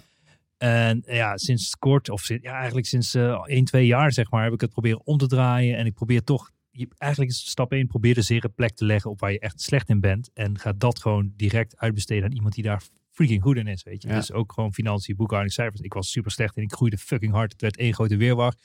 Nou, nu heb ik gewoon een virtual CFO, zeg maar. eh, die die gewoon alle handeltje voor mij organiseert. Die zegt, Bas, dit is je cashflow. Je kan zoveel aan inkopen spenderen deze maand. Zoveel geld hou je over. Of je komt zoveel tekort, weet je. Ik bedoel, Ja. al dat soort dingen waar ik normaal echt gewoon superveel hoofdpijn van kreeg. En stress. En denk, oh, ik heb veel rekeningen. Moet ik zo, kan ik ze betalen? Hoeveel komt er binnen? Hoeveel komt er niet binnen? Weet je, ja. Eh, dus dat, dat uiteindelijk is het gewoon je zwaktes opvullen door mensen die er goed Ja, in zijn. vet. Maar dat betekent wel het lef hebben om dat te doen. Ja, wel. dat- je hebt dat lef nodig. En Je, moet de wel het- resources ook. de resource en de lef hebben oké, ik ga het nu uitbesteden. Ja. En ik vertrouw het jou toe. Ja. En dat moet je wel testen, valideren. Maar dat is, eh, Ja. ja, dat is ondernemen. Dat, Ja, eh, want hoe, hoe ziet jouw team eruit? En, en ja, ja, wat is je een beetje je, je hoe noem je dat, eh, sollicitatieprocedure? Heb je daar iets bijzonders voor? Nee, nee, dat is echt, eh, dat is ook solliciteren vind ik, of mensen aannemen en ontslaan. Dat, nou, ontslaan is nog is niet leuk, maar dat is wel, dat is gewoon een vervelend gesprek. Maar mensen aannemen heb ik niet echt een proces voor of iets. Dus we doen, eh, ja. Dus we hebben eigenlijk, we hebben twee teams. We hebben het kernteam en we hebben het trainersteam. Het trainersteam is een freelance pool van 12 trainers. eh, die op eh, ZZP-basis de trainingen voor ons geven. En dat is best wel een hecht groepje waar we echt heel veel, ehm, eh, veel contact mee hebben. Die trainer zegt, we geloven in een relatief klein team en heel veel trainen in plaats van een heel groot team die één keer in zoveel tijd traint. Dus dat is, dat, is, dat is dat team. En het kernteam is vijf man op kantoor, of nu zes. Hebben net een cameraman dus eh, in dienst eh, genomen, ik voor het gesprek aangaf. Dat we heel veel online trainingen geven. Dacht, ja, maar het is eigenlijk veel vetter als we nog gewoon iemand in dienst hebben. Ja. Want dan kunnen we gewoon echt lekker eh, gewoon continu content maken.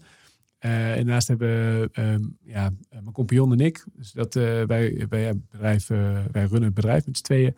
En daarnaast hebben we sales, planning en facturatie. En dat nou, we zijn met z'n vijven, nu zijn we Ja. zessen.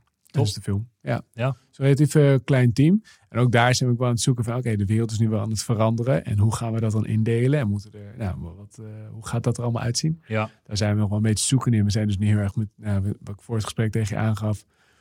We zijn heel erg kijken van, oké, we we geven al heel veel online training. Hoe kunnen we de marketing digitaliseren? En nou, daar heb jij een aantal hele gave ideeën voor. En daar gaan we nu kijken van, hey, moeten daar mensen voor erbij? Of hoe, hoe werkt dat dan? Ja. Dus dat, daar is in die transitie zitten wij nu. Cool. Cool. Ja, Dus je gaat daar helemaal opblazen met eh, nieuwe marketing. eh. ik heb er zoveel zin in. Ik, Ja. heb wat mijn, ik, ik geef al 16 jaar training. Heel veel op het gebied van snellezen en geheugentechnieken. Daar zijn we, we Ja. heel veel trainingen gegeven. Ik stond vroeger zes dagen voor de groep, zeg maar. Dat was Oh gewoon in mijn eentje gewoon gas en gas en gas. En één iemand die de planning en facturatie deed. Ja. En dat was mijn werk en leven. Op een gegeven moment werd ik daar zo klaar, was ik daar zo klaar mee. Oh ja. En het was zo, heel, nou, het is een platte business op zich, is dat prima. Maar de, de, de trainingen waren ook redelijk plat. Snel lezen is 1 plus 1 is 2. Als je, het is een heel mechanisch proces. Als je dat kan, dan kan je makkelijk twee, drie keer zo snel lezen met hetzelfde of beter tekstbegrip. Mhm. Dat kan. Ook als je dyslectisch bent of eh, ADHD of maakt niet uit. Oh. Maar dat was, op een gegeven moment was dat, dat is gewoon voor mij dat is gewoon simpel en saai aan het worden. En toen kwam ik achter dat focus eigenlijk de kern is van zoveel meer dingen. Van als je prestatie wil verbeteren, echt het kernwoord is focus. Als je sneller wil lezen, het kernwoord is focus. Als je beter wil onthouden, het kernwoord is focus. En daar ben ik echt verliefd geworden op, op dit onderwerp. En dat is nu nou, twee, drie jaar echt het, het main ding. Maar dat is heel specialistisch. Focus trainingen, nou binnenkort focus software, focus coaching. Maar dat domein willen we met omzet, verschillende omzetkanalen willen we echt beheersen. Maar dat wil ik wereldwijd gaan schalen. Juist. Dat is, ik wil, Ja. denk je aan focus, Ja. denk je aan markt. Juist. Dat wil ik Dit wereldwijd. is top. Ja. En dat is, maar dat is heel, heel gefocust, heel gericht. Maar dat, dit domein, maar niet alleen training. Een training alleen vind ik te, te, te eenvoudig, te simpel of Mm. ook te beperkt. Ja. Ik geloof juist in een, in een cluster van software, trainingen, coaching, et cetera. ja, tof man. Maar Ja. het is heel slim om die, fo- die focus te, te houden op Ja, die heel, focus. goed, heel goed, heel goed. Ja. Dus eh hocus pocus keep the focus. Ja, dat was oorspronkelijk het idee voor de titel van het boek. Oh, is dat zo? Hocus pocus, focus hocus pocus, focus. Ja. Oh ja, hocus pocus. Sorry, nee, nee, nee. Ja. Zo, zo, zo, dat bedenkt iedereen, zeg maar. Ja. Ja, lachen man. Eh, ja, maar dat is, dat is heel slim als je, om het zo ja, gefocust aan te pakken. Dat, je, dat dat alleen jouw Lekker ding is, hè? jouw domein. En je blijft gewoon continu herhalen. De kracht van herhaling zeg ik altijd. Ja, zeker. Ja. zeker. En natuurlijk wat ik wel vet vind, ondanks dat het een heel gericht eh, onderwerp is, focus, Ja. heeft het heel veel verschillende toepassingsmogelijkheden. Bijvoorbeeld ben je gestrest of ben je, wil je doelen bereiken of het is voor topsporters of voor ondernemers. Er zijn, focus is zo'n lekker onderwerp. Het heeft ook zoveel verdiepende lagen. En waar ik nu zelf, de stap die ik zelf wil gaan maken, ook, eh, kom- nou, ik ben bezig met een nieuwe editie van het focusboek Uh-huh. voor de Engelse markt. Nou, dan wil ik, ik wil het echt een niveautje hoger brengen. Mm. Maar met name, ik wil uit het productiviteitshoekje. Productiviteit is leuk voor, voor de productiviteit nerds onder ons. Maar focus, het klinkt heel suf wat ik nu ga zeggen, maar is een way of life. Het is een lifestyle. Ja. En daar geloof ik heel erg in. Het werkt nog niet heel erg lekker, maar dat is een, het is hoe goed jij kunt focussen heeft, heeft directe impact op de relatie met je kinderen of de relatie met je vrouw of vriendin of met je vrienden. Het heeft directe impact op hoe goed ben je in het hier en nu. Eh, eh, daar gaat focus over. En dat we zo gefragmenteerd, omdat er zo'n stormvloed aan onderbrekingen zijn, meer dan 200 onderbrekingen per dag krijgen we, leven we super gefragmenteerd. We werken gefragmenteerd, maar we leven ook echt gefragmenteerd. En mijn doel, een beetje einddoel met het inhoudelijk in ieder geval gezien, is het uit de productiviteitshoek, ja, maar om op dat niveau het verhaal nu te zeggen van eigenlijk in essentie, how more focus leads to a better life. Vet. Meer voldoening, meer ja, ja, voldoening en verdieping. Maar het ligt dus ook heel dicht bij spiritualiteit, verlichting eigenlijk. Het, zit, het, het, het is een, eh, het zit zeker in, hetzelfde, in dezelfde richting. Hè. Spiritueel en verlichting gaan nog zeker een stap verder. Maar je zou bijna de stelling kunnen maken, zonder focus geen verlichting. Ja, nee, sowieso. Maar als jij een, uur wil mediteren zonder focus, gaat je niet lukken, zeg maar. Nee, als jij, eh, als jij wacht even, ik krijg een appje tussendoor, tussen Vipassana. Ja, ja, eh, Focus, flow en, en, en, en het verlengde van verlichting. Het, Ja. het is een verlengde van elkaar. Ja. En, maar zo zie je dat met heel veel dingen. Als jij als ondernemer je hele business gewoon hapsnap als een extra, alles wat glimt en blinkt op ingaan, allemaal alle projecten aangaan die op je afkomen, alle marketingsmanieren aanpakt. Echt, nee, dat werkt niet. En je moet je focus, je aandacht richten en je business, je resources zijn beperkt, dus je moet dat ook richten. Ja. Dus richt, nou, bijvoorbeeld met, met social media richt je op één of misschien max twee kanalen. Ja. That's it. Ja. En, en ga ga er niet ook nog eens alle andere dingen bij doen. Dat is- hoe meer je, als je kijkt naar de snelst groeiende bedrijven, Good to Great, eh, dat boek ken je misschien. Ja. De snelst groeiende bedrijven hebben één KPI per kwartaal. Ja, wauw. That's it. Ja. Niet, niet twee, ook niet Ja. drie, gewoon één. Ja. Één KPI. Daar ons hier, op. hier, zit, hier zit de grootste win, denk ik, voor iedereen. denk ook. Gewoon, en je hebt natuurlijk ook het boek The One Thing. Daar is natuurlijk ook. Maar dat, dit, dit is denk ik de key voor heel veel successen, zeg maar, die geboekt kunnen gaan worden als je dit mastert. Daar, daar geloof ik in. sterker nog, wij denken eh, dat concentra- focus een van de belangrijkste skills gaat worden voor de 21ste eeuw. Ja. Als je kijkt, nu krijg je dus meer dan 200 onderbrekingen per dag. Dat Ja. is momenteel. Ja. Eh, het is open deur of dat gaat afnemen of gaat toenemen. Dat, Ja. dat gaat alleen maar toenemen. Ja. Nu zoeken we nog bewust afleiding op. Niet heel veel later gaat afleiding ons bewust opzoeken. Hoe goed ben jij in staat om die muur te hebben? Als je geen muur hebt, dan ben je gewoon de klos. Ja. En er zit zo'n businessmodel achter om jouw aandacht op te vreten. Want hoe meer jij aandacht besteedt aan Facebook of naar een nieuwssite gaat of et cetera. ja. TikTok. TikTok, hoe meer advertentieruimte. Het is gewoon een businessmodel. Ja. Het is gewoon heel simpel. Ja. Hoe meer engagement, hoe meer het bedrijf waard wordt. Ja. Jouw aandacht is letterlijk geld waard. Maar ben je nog wel in staat om dat te blokkeren? Kun je dat nog wel? Maar ik vind het wel tof als jij als focusbedrijf, Mark, dadelijk de baas wordt van de interruptiemarketing. Want jij wil dat meer klanten, wil meer klanten binnenhalen. Dus je gaat adverteren op social media. Ben je nu afgeleid door deze advertentie? Heel goed. Ja. Klik dan hier. Wil je meer focus? Dat is wel heel, wel heel geestig natuurlijk. Ja, ja, ja. Als je dan afgeleid wordt, wordt dan door ons afgeleid. Ja, ja, ja. Tof, man. En, en wat is... eh, eh, ja, dus je wil dit hele spektakel wereldwijd gaan Ja, uitbouwen. dat, dat is de droom. Ja. Ja, ja, en je gaat meer online. Ja, zeker. En dat is... eh ken Storybrand toevallig? Eh, nee. Super vet bedrijf. Dat is eh, voor iedereen luistert. Storybrand is een super mooie podcast ook. De Storybrand podcast. En dat is een ehm ja, marketing communicatie framework hebben zij bedacht. Dat Mhm. echt, nou, ik zal het niet uitleggen, maar dat werkt echt rete goed. Wij gebruiken dat nu in al onze communicatie, voorstellen, dingen. Het is echt een super simpel framework. Als je daar je marketing aan ophangt, dan is het makkelijker te bevatten. Hogere conversies, nou, een hele rattenplan. Maar dat bedrijf is voor ons een heel mooi voorbeeldbedrijf, omdat het een heel erg, aan de ene kant specifiek onderwerp heeft, Mhm. wat heel breed toepasbaar is. Eigenlijk bij ons is dat hetzelfde. Heel specifiek onderwerp, heel breed toepasbaar. Maar ze zijn inderdaad ook volledig digitaal. Maar ze doen echt iets van 15 miljoen per jaar. Ik denk, ja, dat is echt super nice hoe ze dat in een relatief klein team eh, hebben opgebouwd en hebben geschaald. Ja. Dat is die richting, zo eh, Ja. één onderwerp, maar dan met verschillende toepassingsmogelijkheden. Ja. Dat digitaal schalen, dat is voor ons een heel mooi streven en doel. Nou goed, ik zie het zelf natuurlijk ook. Ik bedoel, ik heb twee business, één e-commerce business. Weet je, dat is gewoon, ja, als je naar e-commerce bedrijf kijkt, is gewoon een paar procent winst maken per jaar. En mag je in je handjes wrijven, zeg maar. En dan kijk naar digitale producten en, en trainingen. Ja, dat is gewoon een heel ander sommetje, weet je. Dan kun je met een klein team gewoon letterlijk miljoenen omzetten en echt bizarre winsten maken, zeg Ja. maar. En het is niet per se dat dat geld dan eh, de drijfveer moet zijn. En ik geloof in de impact. En, en ik denk dat we daar wel op hetzelfde bordje zitten, zeg maar. Want jij weet ook dat met jouw materie en gefocust en dingen, dat je eigenlijk letterlijk levens kan veranderen. Ja, en voor, voor niks minder wil ik het ook doen. Ja. Het vroeger, eh, wederom, eh, ik heb, ik heb letterlijk meer dan, echt fysiek gezien, meer dan, nou, meer dan 1100 trainingen gegeven. Gewoon letterlijk, niet bij benadering, maar gewoon echt fysiek, gewoon 1100. Dus ik heb heel veel, eh, heel veel mensen gezien, opgeleid, et cetera. En zeker in de beginjaren, als ik dan iemand dan had ik iemand opgeleid, training gegeven. En dan een paar jaar later kwam je dan iemand toevallig tegen. Bijvoorbeeld op vakantie of zo. Dus zeg maar, nou, dat vond ik echt een, vond ik van super trots. En ik, Ja. oh, kijk. Maar er zei iemand, ja, je weet nog, training gevolgd, superleuk. Echt superleuk, man. En vraag ik door, heb je dat aan gehad? Ja, ja, was echt superleuk. en denk ik, fuck, weet je wel. En dat wil ik dus nooit, nooit, nooit meer. Dat was, ik weet niet veel.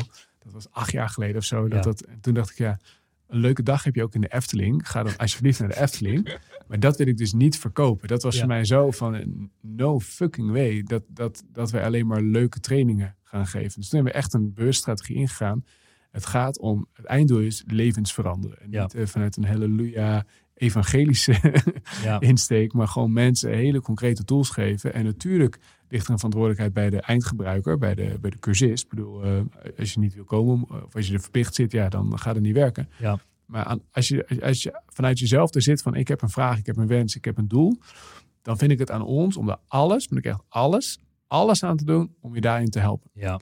En going the extra mile, ja, going the extra 10 mile, zeg maar. Dat is, dat is nodig. Ja. Want alleen dan ga je echt impact hebben. Ja.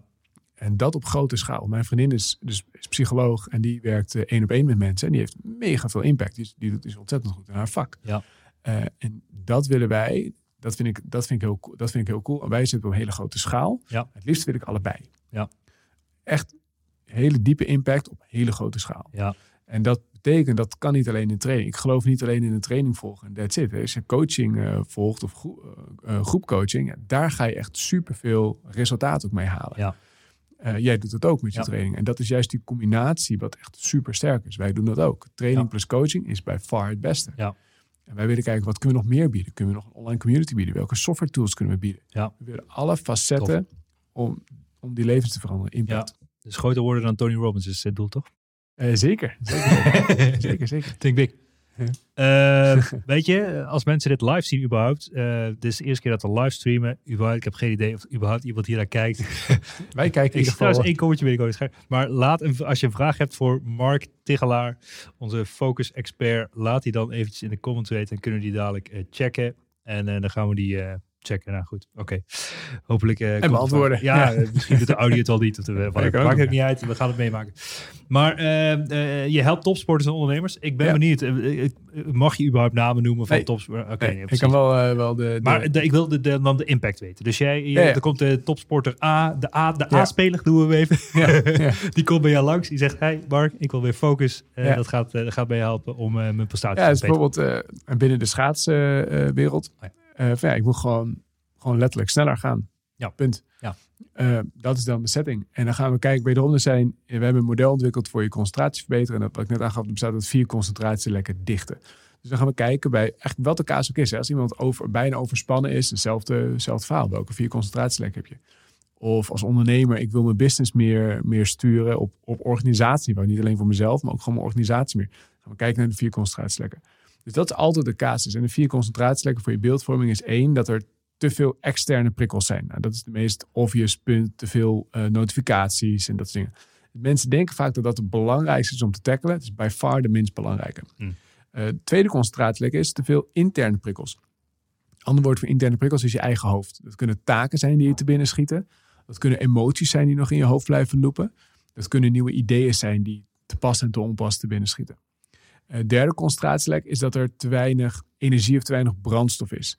En net als je auto, op een gegeven moment raakt de tank leeg. Als je je hoofd, als je hoofd niet weet op te laden, dan ga je op een gegeven moment werken op een leeg hoofd, op een lege tank. En dat, dan komt uiteindelijk, vroeg of laat, komt je hoofd een keertje stil te staan. En stilstaan betekent of dat je concentratie echt volledig weg is, Mhm. of dat je eh, knijtervermoeid thuis komt na een dag werken, of uiteindelijk een burn-out in het ergste geval. Mhm. De laatste concentratielek is, kan het niet goed van Nederlands, is te weinig engagement. Te weinig engagement is te weinig uitdagend, eigenlijk te saai, te simpel, te eentonig, te traag. Dat zijn de vier concentratielekken. Dus als je iets, als je merkt van hé, hey, ik wil sneller als, als topsporter. Of ik wil, eh, wederom, ik, heb op randje van een burn-out. Dan gaan we dus altijd kijken van waar zit het grootste lek. Vaak is het een combinatie van deze vier. Dan gaan we één voor één voor jou dat dichten. Dus gaan we kijken, hoe kan je externe prikkels verminderen? Nou, dat is de ding waar het meeste, zeker in een kantoor of in een werkzetting, de meeste eh, uitdaging zit. Want dat moet je altijd met elkaar regelen. Mhm. Dus welke afspraken kan je met collega's maken? Want je wil niet, als jij nu in een drukke werkomgeving met een vol kantoor besluit, ik ga maar één keer per week mijn mail checken. Wederom, jij kan het, maar al die mensen op kantoor denken, ja, holy shit, dat, dat gaat mij nooit lukken. Je kunt er wel afspraken over maken wanneer je wel en niet bereikbaar bent. Nou, er is een heel systeem voor om de trein niet stil te laten staan, maar wel die rust te ervaren. Dat is een interessante. Maar een hele belangrijke is zit, is dat continu leeg van je hoofd. Nou, we hadden net al over die brain tools. En er zijn meerdere apps, meerdere systemen voor, meerdere technieken voor een afsluitroutine, een checkout routine, het Ohio-principe. Er zijn heel veel systemen die je kunt inzetten om een leeg hoofd te krijgen in de hectiek van de dag. We gaan ook kijken van hoe laat je hersenen op de juiste manier op. Hoe vaak pauzeer je en hoe pauzeer je. De meeste mensen pauzeren met een telefoon, wat technisch hetzelfde is als doorwerken met een Excel-bestand. Mm. Er zit geen verschil in. Zelfs als ze gaan poepen, eh, hebben ze geen rust. ja, nee, precies. En Maar Ja. dat gebeurt dus letterlijk. Dat, dat, eh, een meisje, die, meisje die ik heb gecoacht, 16 jaar, heeft een burn-out. Tja. 16 in een Ja, het wordt steeds jonger, hè? Holy shit. ongelooflijk. Ze kreeg een superleuke meid, deed fantastisch op school, allemaal Ja. niks mis mee. Ze kreeg alleen 600 WhatsApp berichtjes per dag. Ja. En, Ja. en ze zat eh, anderhalf uur op TikTok. Ja, you. Zo, Ja. En waar, dat, dat is de uitdaging. En de, en de laatste uitdaging is van, oké, te weinig engagement. Als, iets, als je in een saaie conference call zit of iets is te simpel of een, of een super simpel verslag wat je moet lezen, maar je moet wel even lezen. Hoe maak je die taak uitdagend en prikkelend? Ja. En dat is een aantal breinprincipes die je kunt inzetten om je eh, brein te, te prikkelen eigenlijk. Cool. Tof, man.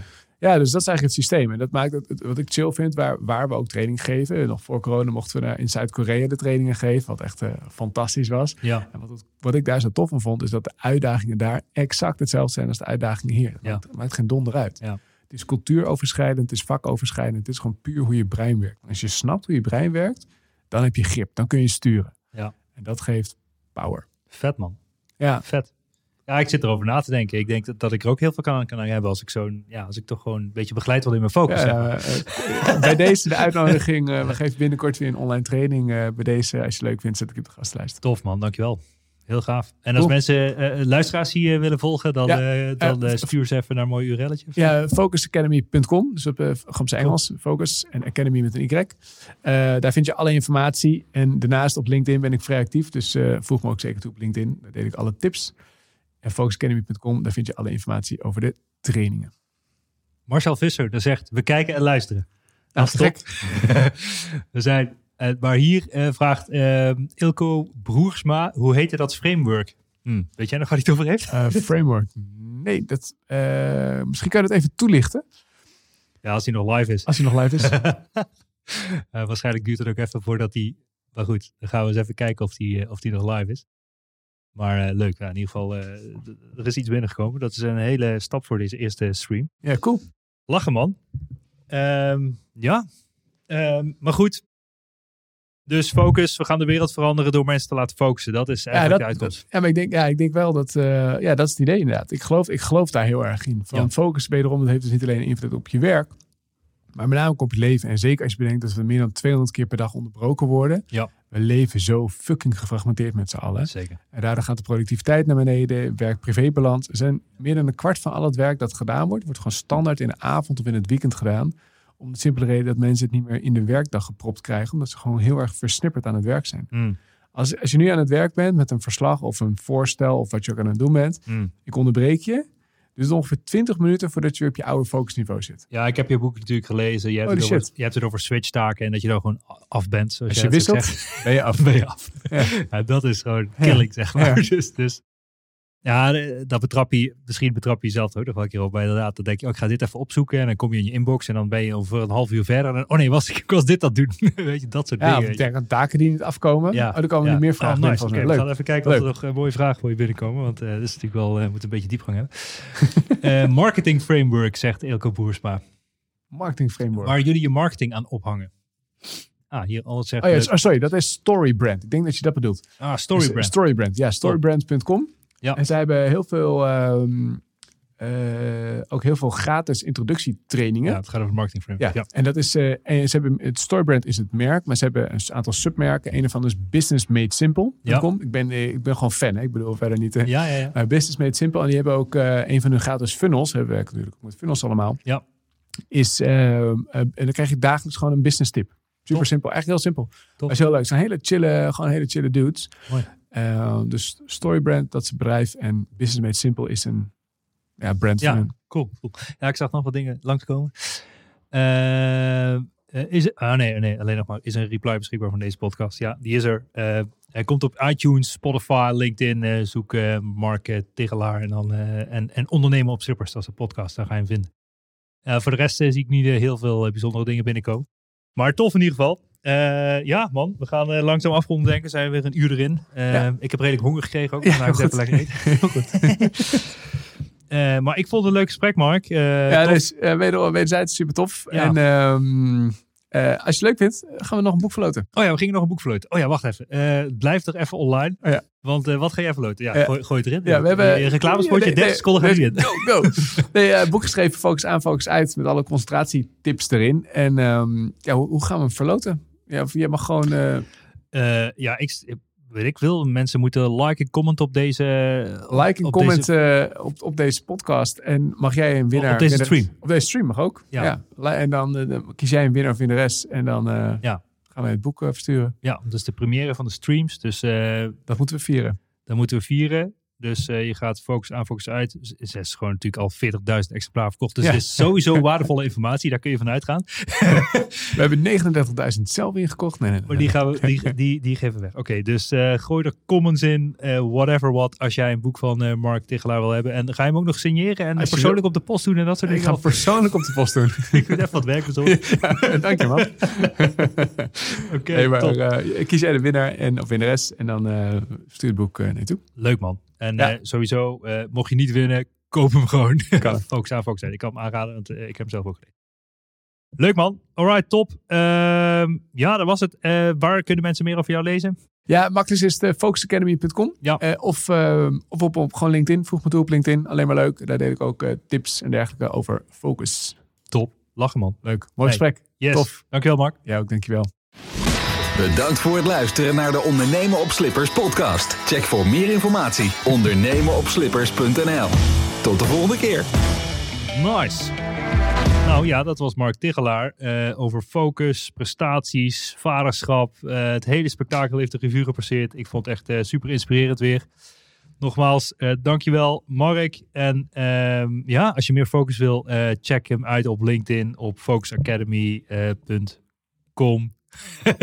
nou komt het helemaal goed. Ik zeg tot de volgende keer. En eh, nou, ik hoop dat deze eerste livestream een beetje gelukt is. Eh, mocht je trouwens eh, niet zien of weten hoe je de livestream ziet, volg mij op LinkedIn en daar ga ik live. Eh, YouTube kanaal is nu Ondernemen op Slippers. Ehm, en Facebook, ik geloof gewoon Bas Eurlings. Maar goed, ik ga er nog een beetje uniformer verhaal van maken. Maar dat, dat is de volgende keer. Ik ben een mooie streaming studio aan het bouwen. En dat wordt nog allemaal veel cooler dan dit in ieder geval. Eh, dus eh, dankjewel voor het luisteren en tot snel. Of kijken natuurlijk. Ciao, ciao. Dit was toch een onwijs gave episode. Laten we eerlijk zijn. Ik vind het onwijs tof. Mocht je nou waarde vinden in deze episodes, check dan ook eventjes mijn LinkedIn, Bas Eurlings. En geef mij gewoon even een persoonlijk berichtje wat je van deze podcast vindt. Nogmaals, ik kan alles gratis aan jou geven. Wil je leren in e-commerce? Gratis in op één coaching. Gratis e-commerce kickstart event. Ga naar basdeeltuit.nl hoe jij subsidie kan aanvragen door gratis, om gratis toegang te krijgen tot alles wat ik gemaakt heb. Check it out en tot snel. Ciao, ciao.